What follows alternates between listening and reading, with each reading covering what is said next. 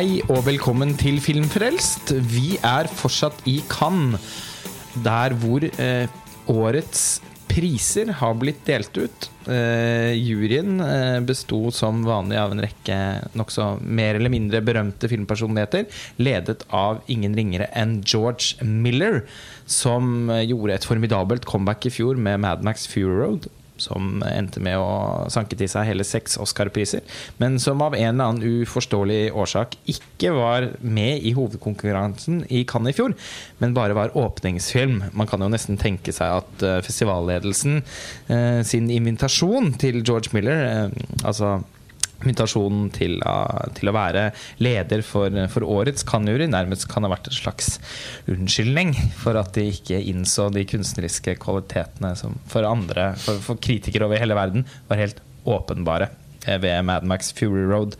Eh, det vil ikke nødvendigvis si det samme som at George Miller var rett mann for oppgaven. For eh, montasjeredaksjonen er i likhet med veldig mange andre nokså tåpelig å bruke et ord som rystet, uh, om noe så trivielt uh, som en, en, en, filmprisutdeling. Men forbløffet og irriterte er vi i hvert fall i det vi ser på uh, Ser listen over årets palmer i Cannes.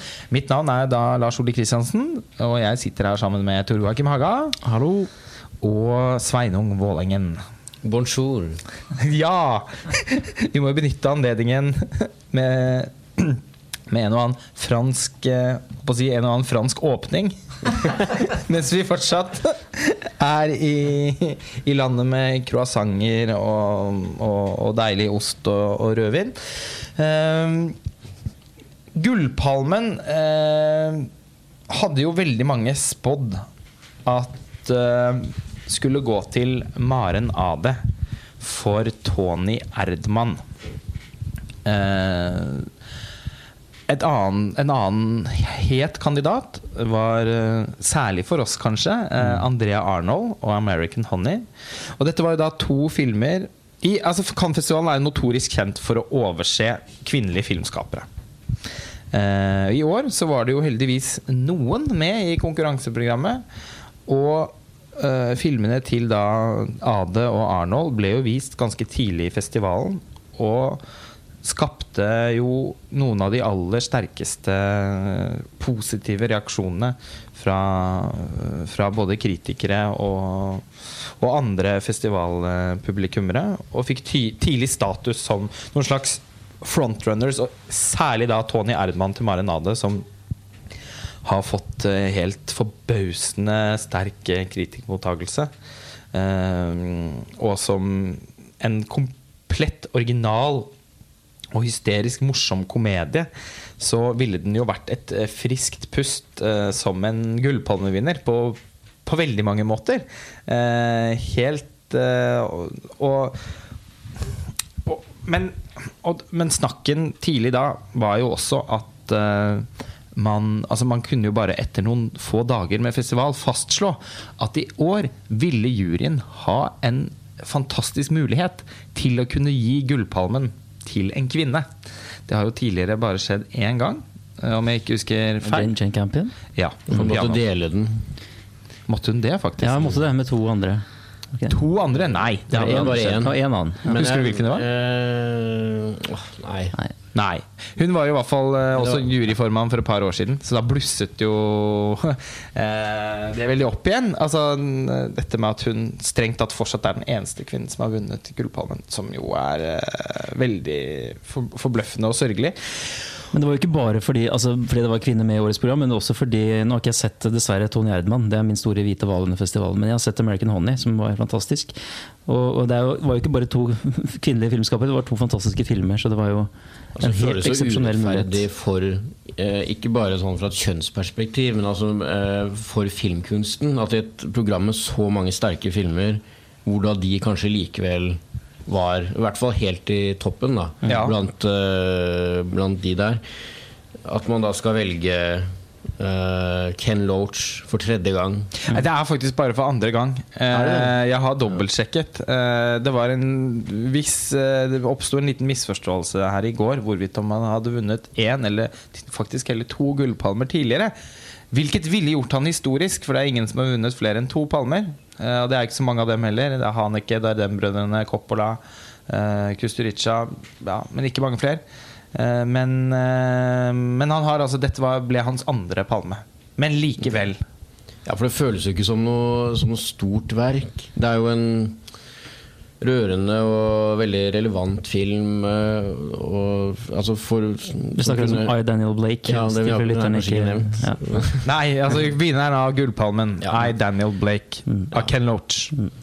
Det er, altså, det er en veldig relevant film i dagens Europa med denne arbeidsledighetstematikken og med denne Daniel Blake som forsøker å tilpasse seg en sånn moderne arbeidssøkerprosess med teknologi og men eh, det føles jo ikke som noe eh, stort mesterverk og en, en sånn type gullpalmevinner som både Tony Erdman og American Honey gjør. Ville ha vært. Ville ha vært.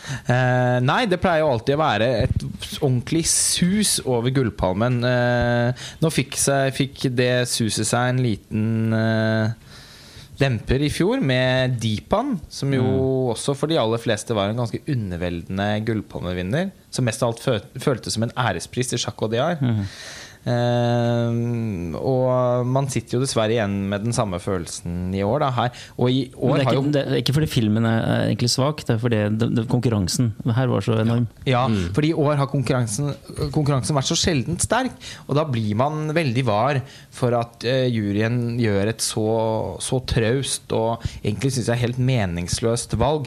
Jeg syns ikke det skal være til forkleinelse for filmen. Vi kan godt uh, koste på oss å snakke litt om den. I, Daniel Blake er et sosialrealistisk drama eh, som beveger seg langs de samme stiene som eh, Darden-brødrenes 'To dager i en natt' og Stefan Brissés 'Markedets lov', som vel fortsatt kanskje er kinaaktuell i Norge. Den, det er i hvert fall ikke lenge siden den, den var det. Eller mye av Ken Loach sine egne filmer også. Selvfølgelig. Men altså, men jeg bare tenker at disse, her har man et eksempel på to andre filmer som også har deltatt i hovedkonkurransen i Cannes. Eh, den ene i 2014, den andre i 2015.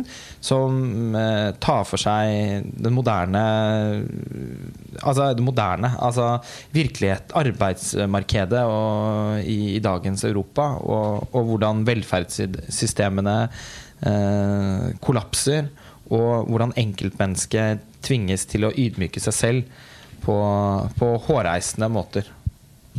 Ja, Det er jo veldig typisk eh, Ken Loach, akkurat det greiene der. og jo, Han har jo et slags politisk prosjekt som han har hatt eh, i alle år, egentlig. Hvor han har eh, ja, han, har, han bruker mye tid på å formidle meningene rundt venstreorientert politikk, også gjennom dialog og sånne ting. Det syns jeg ikke han gjør så mye av her. Her er det, mer, her er det liksom visualisert gjennom situasjonene som da Daniel Blake må gå gjennom. Dette rufsete, grusomme Nav-systemet. altså byråkratihelvete og sånne ting. Så det er en mer, det er en mer bokstavelig, syns jeg, en mer bokstavelig Ken Loach-film enn det jeg har sett eh, tidligere. Um, så, så, sånn sett så likte jeg den. Jeg er ikke så glad i når man skal kommunisere så mye politikk via, via dialog. Det, det, er ikke så interessant. Nei, og den uh, forteller jo da om en, uh, en uh, aldrende mann helt på slutten av sin yrkesaktive del av livet som har blitt rammet av et kraftig hjerteinfarkt. Og som derfor ikke kan jobbe på Altså, han må jo da slutte på Ikke bare ta en pause fra, men det virker som man også må slutte på den jobben som han har hatt i alle år. Som er som en slags tømrer eller snekker. snekker ja. Et hardt fysisk arbeid, i hvert fall. Mm. Kan ikke jobbe der lenger. Eh, og Nav-systemet tvinger han jo da til å umiddelbart igangsette prosessen med å finne seg en annen jobb. Men eh, som han forsøker å forklare dem, så er han ifølge legen så vil han være arbeidsudyktig i ganske lang tid framover. Så, og det er veldig, forårsaker veldig mye stress for han, den prosessen, som, eh, går, som er stikk i strid med mm, hva, hva legen har formanet. Da. Mm. Uh, og det fører han inn i en, en konflikt med, med Nav-systemet. som Han ikke helt Han faller egentlig mellom masse stoler og sånne ting. i forhold til Eller mellom flere søknader og flere posisjoner, egentlig. Mm. Eh, stort frustrasjonspunkt. Det er jo en kritikk av liksom, David Camerons samtids-England, eh, dette her. Og, men også har, har, også litt sånn kjøkkenbenkrealisme. Altså litt den der arbeiderklasseestetikken som, som jeg er egentlig veldig glad i. Jeg vet at det er ikke alle her rundt bordet som er like glad i den. Men, men det, er, det, er, en veldig fin måte å, å Men det er ikke overestetisert heller. Jeg syns det er ganske naturlig. Alt den, sammen. Ja, og den er for filmen Det kan også, bør også nevnes at filmen er nydelig fotografert av mm. Robbie Ryan, fotografen til Andrea Arnold, som jo da gjør også et helt utrolig arbeid i American Honey, som mm. vi har snakket om i den podkasten om den filmen. Men han uh, det, er, eh, det er jo en masterclass, dette her, i sosialrealisme. Mm. Det syns jeg virkelig det er. Mm. Og, og, det er en fortelling som føles Ikke bare føles relevant, den føles helt akutt. På akkurat på samme måte som markedets lov gjør det. Og og den er gripende eh, på en måte som Stefan Brisset sin film ikke er. Eh, det er kanskje også fordi Ken Roach tillater seg en viss eh, eh, grad av patos. patos. Ja, jeg vil ikke kalle det sentimentalitet nødvendigvis, men litt, litt, patos er det i det minste. Og eh, et par melodramatiske krumspring også, som Fordi Daniel Blake eh, blir jo da venner med en ung mor og hennes to små barn, som virkelig sliter for å få endene til å møtes, og som på samme måte som han faller veldig gjennom stolene i dette Nav-systemet. Og her demonstrerer han selvfølgelig hvordan eh, de, de, lavere klassene utviser en solidaritet overfor hverandre som Ja, der, der, kan du si det er, det er en sånn scene i filmen hvor, hvor, hvor, det blir litt sånn tradisjonell Ken Loach igjen. Hvor det er eh, ganske eksplisitt uh, altså, sosial kritikk eller klasse, altså om klasseforskjeller og sånne ting. Ja, og jeg syns nok Men jeg, jeg syns nok den første timen av filmen er uh, uh, Altså tilnærmet perfekt. Uh, jeg, både veldig sånn sobert fortalt, veldig godt observert. Det er f.eks. en helt fantastisk scene hvor Daniel Blake skal gå på datakurs. Mm -hmm. Og ikke har noen som helst intuitiv forståelse for, for hvordan internett og en, et tastatur og en mus eh, som man skal navigere med på skjermen, fungerer. Ender med da å løfte musa opp på skjermen. som, faktisk har, som faktisk er andre mennesker som har gjort, som jeg har uh, hørt om. Altså det, er ikke, det, er ikke, bare en absurd uh, situasjon. Det er det året jeg ja.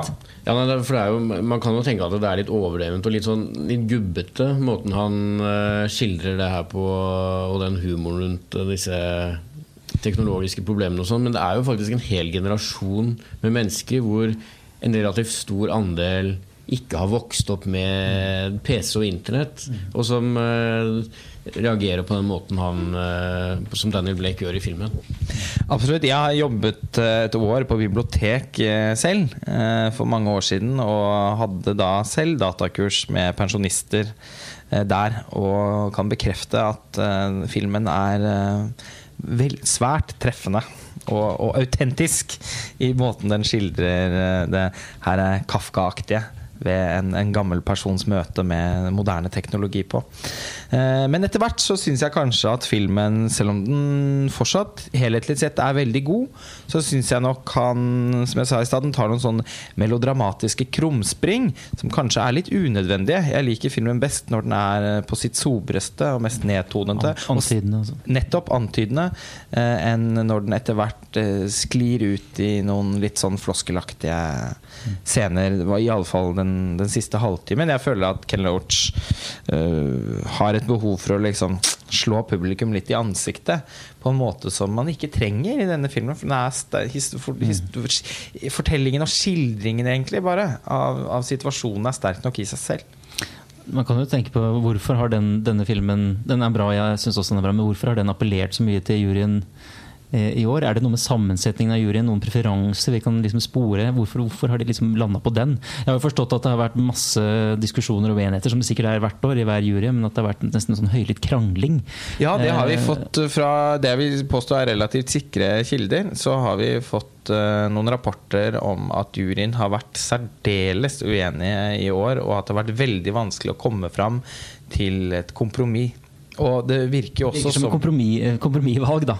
Nettopp. Ja. Og, det er jo det som er så sørgelig. Fordi Daniel Blake er en, er en strålende film, men eh, som under vekten av den gullpalmen rundt halsen plutselig må leve opp til mye mer enn det den i utgangspunktet burde. Ja. Eh, det er en pris som det ville vært helt naturlig å Det er en, pris, det er en film som det ville vært helt naturlig å belønne. Jeg ville f.eks.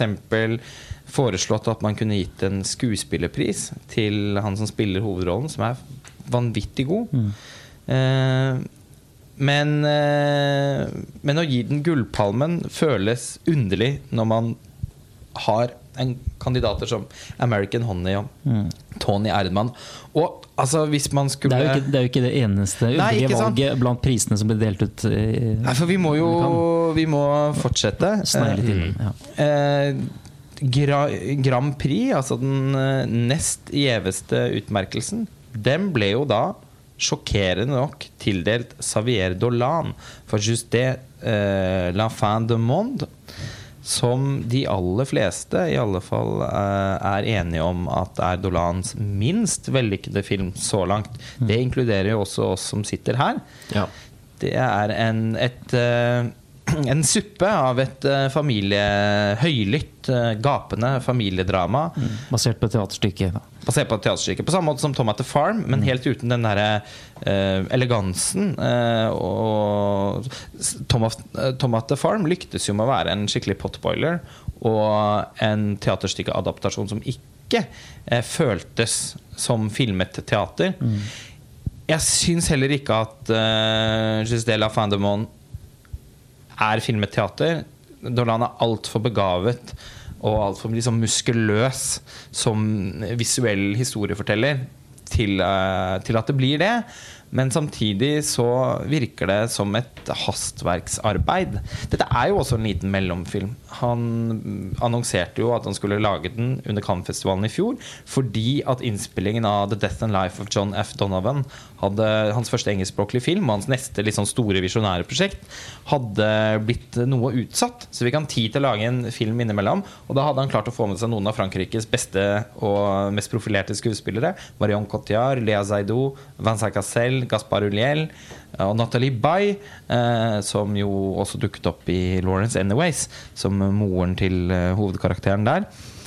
Og, som, og, det er vel også hun som hadde tipset Xavier Dolan om at dette stykket eksisterte, og at hun mente han eh, ville være rett eh, mann til å filmatisere det.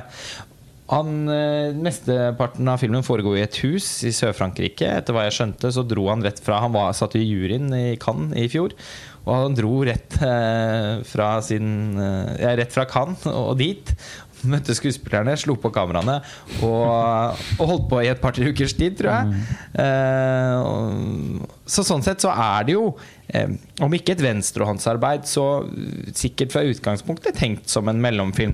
Det står veldig stikk i strid til hva Dolan nå, stolt som en hane av, mm. av, av, av, av juryprisene og sånn, og veldig fornærmet over kritikermottagelsen, så har han jo nå sagt ved en rekke anledninger at, uh, at han synes dette utvilsomt er hans beste film så langt. Og at han har sjelden har følt seg så misforstått. Det vet jeg ikke om jeg helt tror på. Fordi at jeg Når jeg ser den filmen, den har gjort noen valg. Den, det er nesten eksklusivt bare nærebilder av ansikter, uh, stort sett. Men så er det et par sekvenser der, et par sånne, vi kaller det for flashbacks, eller ja, noe sånt som er altså så den klassiske Dolan vi husker vi gjennomestetisert med mye deilig syntmusikk og fargefiltre og, og kitsch eh, altså kitsch-estetisering. Det er der jeg føler at det er den filmen som det kunne ha vært eh, hvis det ikke hadde vært så, så hastverksarbeid eller kompromissarbeid. Det føles jo litt som at han altså hvis, hvis ikke det er et hastverksarbeid, så føles det i hvert fall som at han har prøvd seg på noe litt nytt som man ikke mestrer. Og selv om jeg ikke vil omtale filmen som nedtona, for den er jo veldig sånn anmassen og med, med, mye Veldig fransk og intens og My ja. Venn-aktig. Men det er også veldig fokus på, på nærbilder og bare noen sånne små blaff av sånne mm, montasjesekvenser og, og eh, bruk av popmusikk og sånn, som man har sett i hans tidligere filmer. Og det, jeg syns ikke han klarer å utnytte nærbildets kraft Nei. godt nok heller i filmen. Jeg syns ikke det, det, er nok til å bære filmen eh, visuelt sett. Han, han, får det rett og slett ikke helt til, syns jeg. Så, på alle måter en skuffelse, men, men, selvfølgelig også et slags interessant feilsteg. Ja, med tanke på at det er han, og at han er så ung. Og, ja. og så begavet. Eh, jeg er også veldig, egentlig veldig vennlig innstilt til filmen. Jeg syns ikke den var fullt så dårlig som dere, tror jeg. Jeg synes den de blaffene av sånne vidunderlige Dolan-sekvenser med, med syntmusikk Blaffrende giganter og Ja!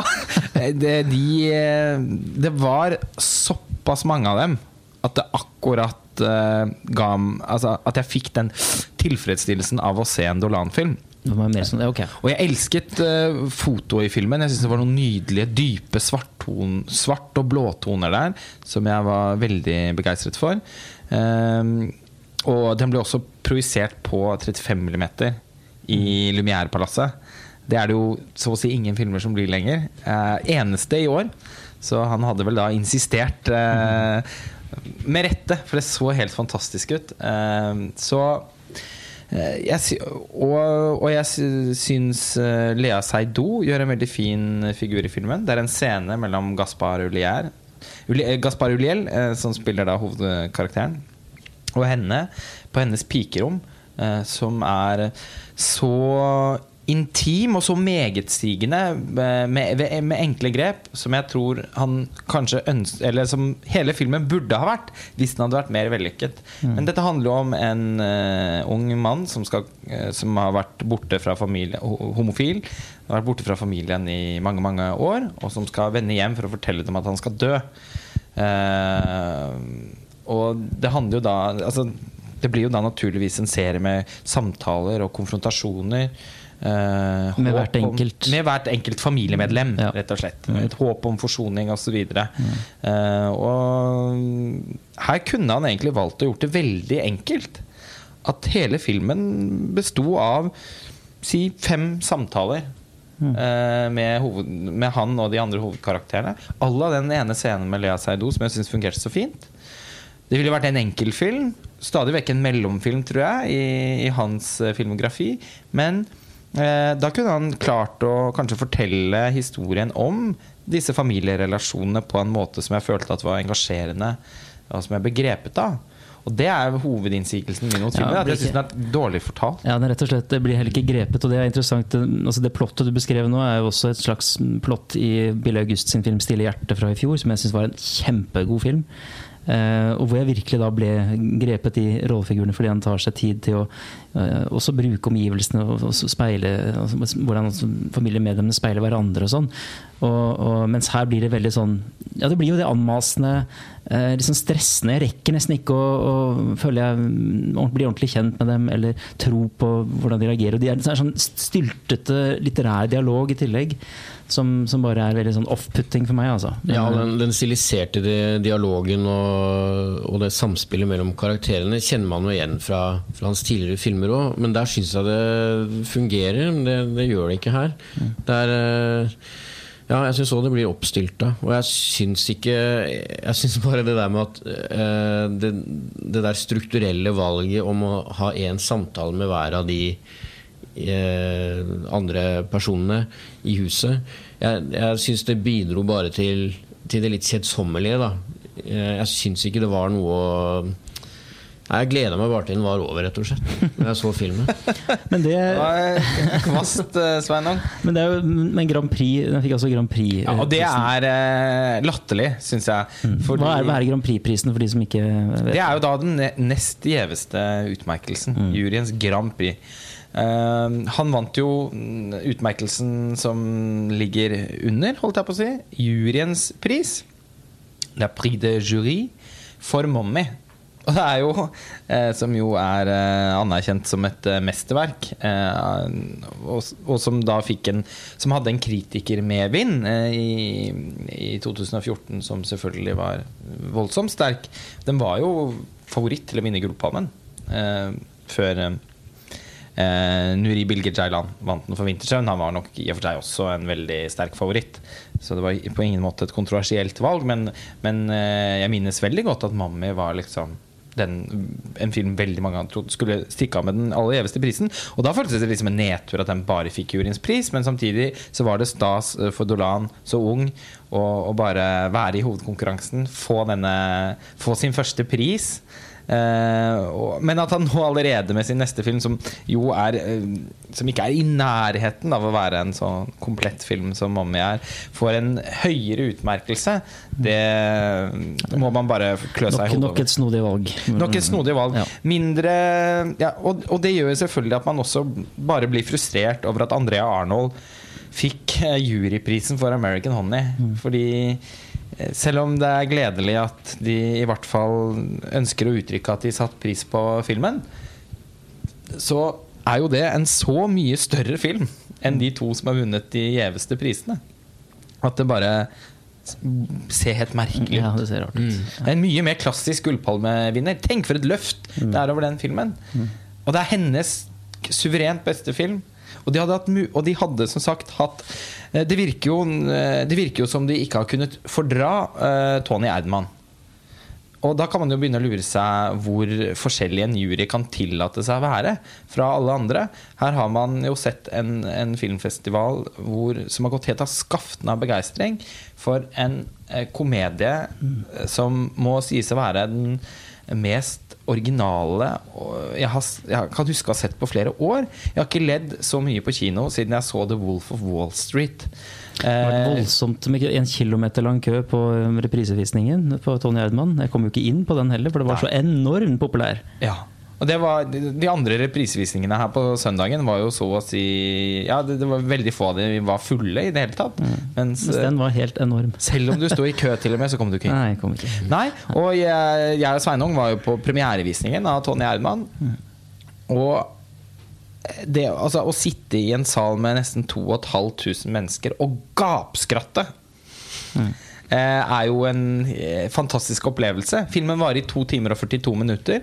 Kanskje er den litt for lang, men eh, jeg syns det er forbløffende hvor i, hvilken grad den faktisk klarer å holde på oppmerksomheten og bevare underholdningsverdien sin, og hele tiden tilføye nye lag i, til denne Til fortellingen sin. For å kort forklare hva det er for noe, så er jo dette da Den er jeg ville sagt at det er Maren Ades svar på Mrs. Doubtfire. Den handler da om en uh, mann som, heter, som, ikke heter Tony Herman, nå husker jeg ikke hva han heter, som har en uh, datter som er businesskvinne, og som han opplever at han har fått et veldig distansert forhold til, og at hun har fått noen verdier i livet sitt som ikke helt korresponderer med de han forsøkte å overføre til henne eh, gjennom hennes oppvekst.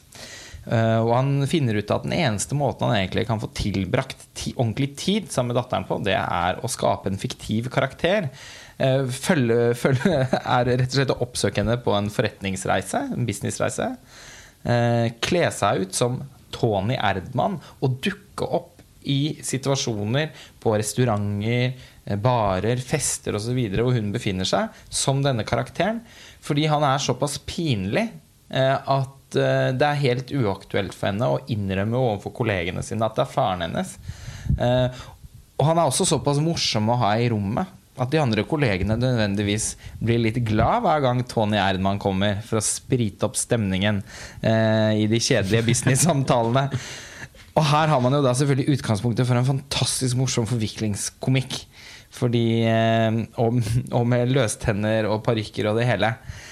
Fordi hun kan jo da aldri uh, få han til å fjerne seg. Og samtidig, i løpet av den prosessen, så uh, blir hun jo på sett og vis også mer glad i Tony Erdman enn det hun er i sin virkelige farsfigur. Og det blir jo akkurat på samme måten som i Mrs. Dobfire en inngang til uh, til at, til at, de kan få Til at de får et, et nærere forhold. Uh, ja. Dette syns åpenbart ikke Donald Sutherland og George Miller var spesielt morsomt. Det er helt utrolig. Men altså det at, for jeg vet jo også at juryen var på den samme visningen som oss. Eh, vi eh, traff på juryen ute i gangen der eh, like etter visningen. Og det at man kan være til stede på en sånn fest og, og, og ikke ha glede Altså, jeg, jeg, jeg, vet ikke hvordan jeg skal få sagt det. Har det klikka for dem, eller? Veldig... Eller er de, de, er de, fulle av muggsopp? altså, det er jo veldig underlig. det er jo en det er jo en snodig film. Jeg ble overraska over at eh, For det første at den var så morsom, men også at den traff, hadde et så bredt nedslagsfelt. At den ble så populær og en så stor snakkis. At det, så mange mennesker syns at en såpass eh, egentlig litt merkelig film eh, er så morsom. Og da er det jo også veldig rart at ikke juryen eh, føler noe av det samme, og i det minste kan ta inn over seg Eh, hvor, eh, hvor liksom Ja, bredt den slo ned eh, blant kan-publikummet. Og i hvert fall eh, prøve å se hennes kvaliteter og gi i hvert fall én pris, da. Mm. Det er, veldig, det er, veldig, rart. Jeg skulle gjerne vært flue på veggen der når den diskusjonen uh, foregikk. Ja, så Det er jo den store overseelsen, men det vi har vært inne på nå er jo også de prisene som faktisk ble gitt ut. og Det, ikke, det er ikke bare disse vi har snakket om nå, men også, også, også Nå rekker vi ikke å gå gjennom alle, men altså jeg kan jo nevne altså Askar Faradis uh, siste film, uh, 'The Salesman', eller 'Foro Shande', også ble belønnet med var det én eller to To priser, to faktisk. Priser. Både for beste mannlige hovedrolle ja. og manus. Ja, og Det er jo etter min mening hans svakeste film. som de er nå har ikke jeg sett alt, nødvendigvis, men i hvert fall sammenlignet med Fortiden og Nader og Semin, som jo er husholdningsthrillere, de også, i likhet med denne, men som, som er, det er kornete, det er energisk. Det er, det er ikke sånn veldig konstruerte uh, konflikter i samme grad som jeg føler denne her eh, er. Um, så, så, det syns jeg også var et merkelig, merkelig valg av juryen. Jeg må jo si at jeg syns det var en veldig svak film.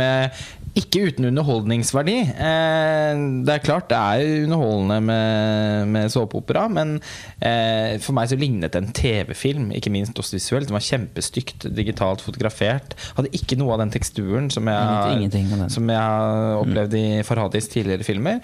Og eh, altfor enkel, syns jeg, i i sitt drama òg. Ja. Jeg syns det ble tippet nesten over i det parodiske, skal jeg være helt ærlig. Ja, ja.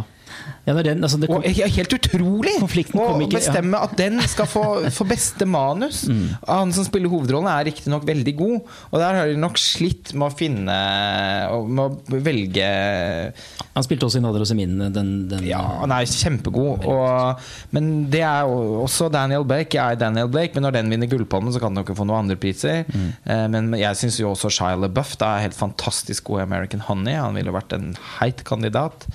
Uh, Tony, han som spiller Tony Erdmann uh, Altså At de ikke kunne avse en pris, i det minste, til han. Uh, Lesandra Hyller, som er nesten vel så imponerende i rollen som datteren i American Honey Nei, i Tony Erdmann. Ja, nei, det er, mye, det er mye rart. To priser til den Farhadi-filmen. Ja, ja. Det er i hvert fall helt åpenbart at juryen overhodet ikke lar seg påvirke av kritikernes konsensus. Nei. Det må vi i hvert fall kunne ja. fastslå. Mm. Fordi Farhadi har jo også har fått veldig semmer mottagelse av et samlet internasjonalt kritikerkorps. Eh, samme med den uh, Dolan-filmen, som, selvfølgelig, som vi nevnte. Men ok, jeg må si at jeg syns at valget de har gjort i kategorien for beste kvinnelige skuespiller, er litt beundringsverdig. For der har det vært veldig mange sterke kandidater. Eh, mange har snakket om hun eh, brasilianske eh, skuespillerinnen i filmen 'Akvarius'. Som er en veldig flott figur i filmen, men som jeg kanskje ikke helt følte at eh, hadde en rolle som Altså, hun var kjempe Hun var veldig god, men jeg følte ikke helt at hun sto ut eh, i konkurranse med eh, faktisk Adele Hanel i Darden-filmen, som jeg jevnt over var skuffet, eh, var skuffet over. Eh, men, eh, men, jeg syns hun var veldig god. Og, og, og, ikke minst som sagt da Sandra Hyller i, i Tony Erdmann. Men at de har valgt hun Jacqueline Joes i Marosa til eh, briljante, men den filippinske regissøren Briljante Medosa. det syns jeg faktisk er et, eh, et, et spenstig valg. Som, fordi hun bærer litt den filmen på sine skuldre, egentlig. Og er veldig, veldig, veldig god. Ja. Dette er også en form for sosialrealisme, bare fra Filippinene. Det er glad i det i år. Ja, med veldig rufsete visuell stil, med, med kamera som følger eh, henne og, og, hennes familie eh, tett på hele tiden når de blir arrestert av politiet. og eller henne og, hun og, og, faren i denne familien blir arrestert av politiet for noe sånn Ja, det er noe slags sånn mellomledd i noe narkohandel og sånn. Og jeg syns alle spilte veldig godt i den filmen, men jeg er helt enig at det, det er hun som bærer, ja, hun var bærer faktisk helt utrolig god. Veldig troverdig. Veldig. Og hennes tilstedeværelse i den situasjonen Jeg føler at hun er vår inngang til Altså vår emosjonelle respons på den filmen er veldig via henne. Så det er faktisk en veldig fortjent pris. Mm. Regiprisen er jo også litt morsom. Den er da delt i to som jeg alltid syns er litt dølt. Uh, men den er jo da delt mellom Christian Mungu for baccalaureat og Olivier Assayas for personal shopper. Jeg er jo syns baccalaureat er uh, veldig god. Altså sånn, jeg syns det er en film med mange åpenbare kvaliteter. Og som jeg mm, vel skrev på Twitter uh, etter visningen, så føler jeg at det var litt som en episode av dekalogen til Kieslowski. Kanskje ikke en av de aller beste episodene. Ikke så flott visualisert, da. Nei. Men, eh, men, men den ligner altså Moralfortellingen her, mm. som, han, som, handler om korrupsjon i Romania, er veldig dekalogenaktig i måten den er fortalt på. Eh, og, og, den er veldig godt spilt. Han som spiller hovedrollen, som også, nå husker jeg ikke navnet hans, dessverre, men han har har jo spilt i en rekke rumenske filmer og er kjempegod. Uh, og den er jo noe, altså noe av en trykkoker, så uh, så det er en film som det er veldig enkel og, enkelt å la seg engasjere i, og som jeg er glad til å ha blitt kjøpt inn for norsk eh, kinodistribusjon. Jeg tror det er ganske mange som vil komme til å ha glede av den. Kanskje er det også en film som vil stikke seg litt mer ut når man går og ser den på kino hjemme. En inneklemt mellom masse sånne voldsomme filmopplevelser her. For den er veldig nedtonet. Og for meg kanskje litt underveldende. I hvert fall i lys av at fire måneder, tre uker, to dager eh, til Christian Mungu syns jeg står seg som en av 2000-tallets beste filmer. Vant til Gullpalmen i Cannes. Og jeg føler egentlig både med 'Beyond the Hills' og, og, og 'Bacalaureat' at han sliter litt med å matche det skyhøye nivået til mm. den første filmen. Egentlig så sliter han med å bruke, anvende den formen som, som, uh, som, som, var, som fungerte så utrolig godt for den fortellingen, til andre historier. Bedre, men den er i hvert fall bedre enn den andre rumenske filmen på, i hovedkonkurransen, nemlig 'Sierra Nevada' av Kristi Puju. Det... Som eh, vi har egentlig har forbigått i stillhet, og det er med vilje. Eh, fordi den, eh, den, det var den mest utfordrende tålmodighetsprøven jeg noen gang har vært utsatt for. Så den, den ja. Jeg syns det var en litt spennende slags formøvelse. Alt, hvor alt foregår inni et hus, og kameraet er veldig observerende og tilstedeværende med alt som foregår hele tiden.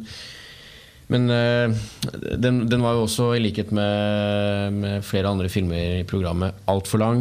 Og jeg satt ikke igjen med så veldig mye Jeg satt igjen med altså, frustrasjon, da. Ja. Men jeg er enig altså jeg er i og for seg enig med Sveining at den har noen elementer som er litt interessante. Altså som en stiløvelse i Eller stiløvelse, formøvelse, ja. I mm, den observerende stil.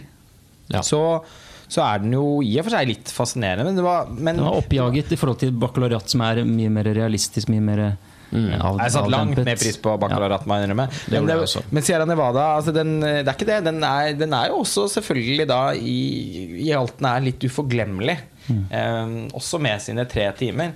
Men det var jo litt sånn at jeg følte at jeg skulle ønske at jeg hadde en nål som jeg kunne sitte og stikke meg med uh, underveis for å bevare konsentrasjonen.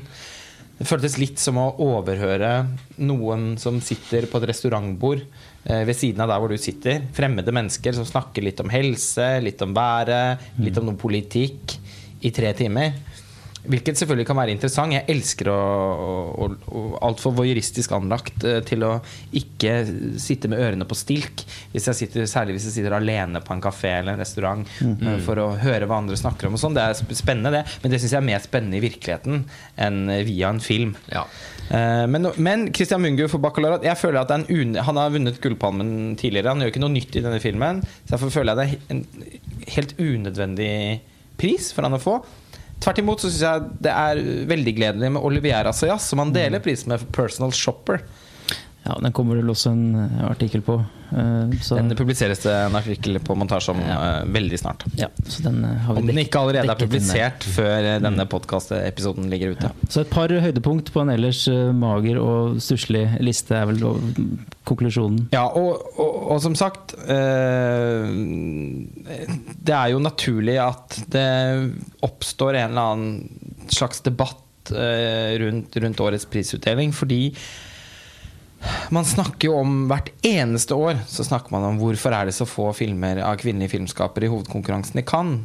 Og så er ofte svaret jo, men det er færre filmer, kvinner enn menn som, som lager film. Og, og, når vi filtrerer ut, så er vi, tenker vi stort sett bare på den kunstneriske kvaliteten, og om hvorvidt de filmene vi sitter igjen med, er regissert av kvinner eller menn, det er for oss egentlig irrelevant. Men selvfølgelig, vi gjør så godt vi kan, sier Thierry Fremaux hvert eneste år. Samtidig som man opplever at noen av de beste filmene man ser under festivalen, er regissert av kvinnelige filmskapere og vises i et av sideprogrammene istedenfor i hovedkonkurransen. Som jo nuller ut det, den, den, slags forklaringen hans. Men i år, som sagt, så, så var det i hvert fall noen filmer med med, mm, regissert av kvinner. Og, og, to av dem var jo da virkelig eh, blant de absolutte høydepunktene under festivalen. American Honey tror jeg for oss eh, som en slags konsensus årets aller beste film i Cannes, og årets aller beste film overhodet. Ja, Neruda var kanskje muligens eh, ja. Som er utenfor konkurranse. Ja. Uh, den har jo skrevet om Det har vel endt opp med å bli din favoritt, rett og slett? Pablo Larrain sin film? Ja, det står mellom den og Forhøfen og American Honey. Mm. Men, I, i Demon, de sterke filmene var virkelig sterke i år. Og filmer som The Neon Demon og L, da, Verhøfen, som, som, jo er et Som bare må sies å være et mesterverk. Mm. Som vi har laget en egen podkastepisode om. Mm. Uh, nå får vi se om den publiseres før eller etter denne episoden. Uh, men uh, den, den nå hadde jo vært svært, burde vært svært aktuell for en pris. Her hadde man f.eks. hatt anledningen da, til å gi regiprisen til Paul Verhoeven. Da, og da kunne det vært en kombinasjon av klapp på skulderen til en gammel mester og en, en, en, en pris for filmens kvalitet ja. og idérikdom. Mm. Uh, men eh, den anledningen har de heller ikke benyttet seg av. Men altså de hadde muligheten mm. til å, å, gi Gullpalmen til en kvinne i år. Jeg tror det er veldig veldig mange som forventet det. Nesten tok det for gitt. Mm. At nå skjer det, dere. Maren Ade eller Andrea Arnold kommer til å ta uh, to av de gjeveste prisene, i hvert fall. Uh, sannsynligvis også Gullpalmen. Og det er det verdt å glede seg over. Men det, det ble vi snytt for. Mm. Ja, Skuffende av George Miller, som er en av mine favoritt. Og som er selverklært feminist. Eh, mm. Så man kan jo også eh, spørre seg hvorfor han syns eh, Hvorfor han åpenbart syns at eh, en, et, et, et, kvinnelig blikk på verden, som jo er det får, man, man, får i en, en film regissert av en kvinne, hvorfor det er eh, åpenbart ikke var så interessant. Mm. Hva, I alle fall Tony Erdman, som, som jo Utelukkelsen av den eh, filmen må jo oppleves jo nesten som en protest mot resten av festivalens elleville mm. begeistring. Filmen er kjøpt inn av Arthouse og vil få norsk kinodistribusjon. Alle kan glede seg til den. Vi skal også skrive mer om, eh, om den på montasje. Så vi er ikke ferdig med Tony Erdman med det aller første, selv om vi Først må vi bare riste av oss Ja, selv om vi i aller høyeste grad er ferdig med denne prisutdelingen. Ja. Og så må vi heller glede oss over de sterke filmene som var på programmet. Opplevelsen av dem. Ja, fordi oppsummeringen av Cannes-festivalen totalt sett er jo at det har vært en særdeles sterk åregang mm. med veldig mange eh, ordentlig originale, interessante filmer som vi kommer til å snakke fortsette å snakke om i lang, lang tid framover. Mm. Den beste årgangen de kan på mange, mange år, eh, spør du meg. Ja, det er jeg også enig i det. Mm. Ok. Da har vi rast gjennom en slags oppsummering. det har vi. Og vi kommer til å fortsette kan-dekningen vår eh, i dagene framover. Vi mm. har jo for vane på montasje å bre den litt utover. At den ikke bare er under festivalen, men også litt i etterkant. Mm. Fordi vi blir inspirerte til å, til å skrive artikler og, og ta podkaster og sånn. Så siste ord er på ingen måte sagt om Cannes 2016. Men Dette er i alle fall vår midlertidige oppsummering og, mm. og, og kommentar til prisutdelingen. Så jeg tror vi kan takke for oss. Ja, vi takker for oss. Ha det bra. Ha det bra.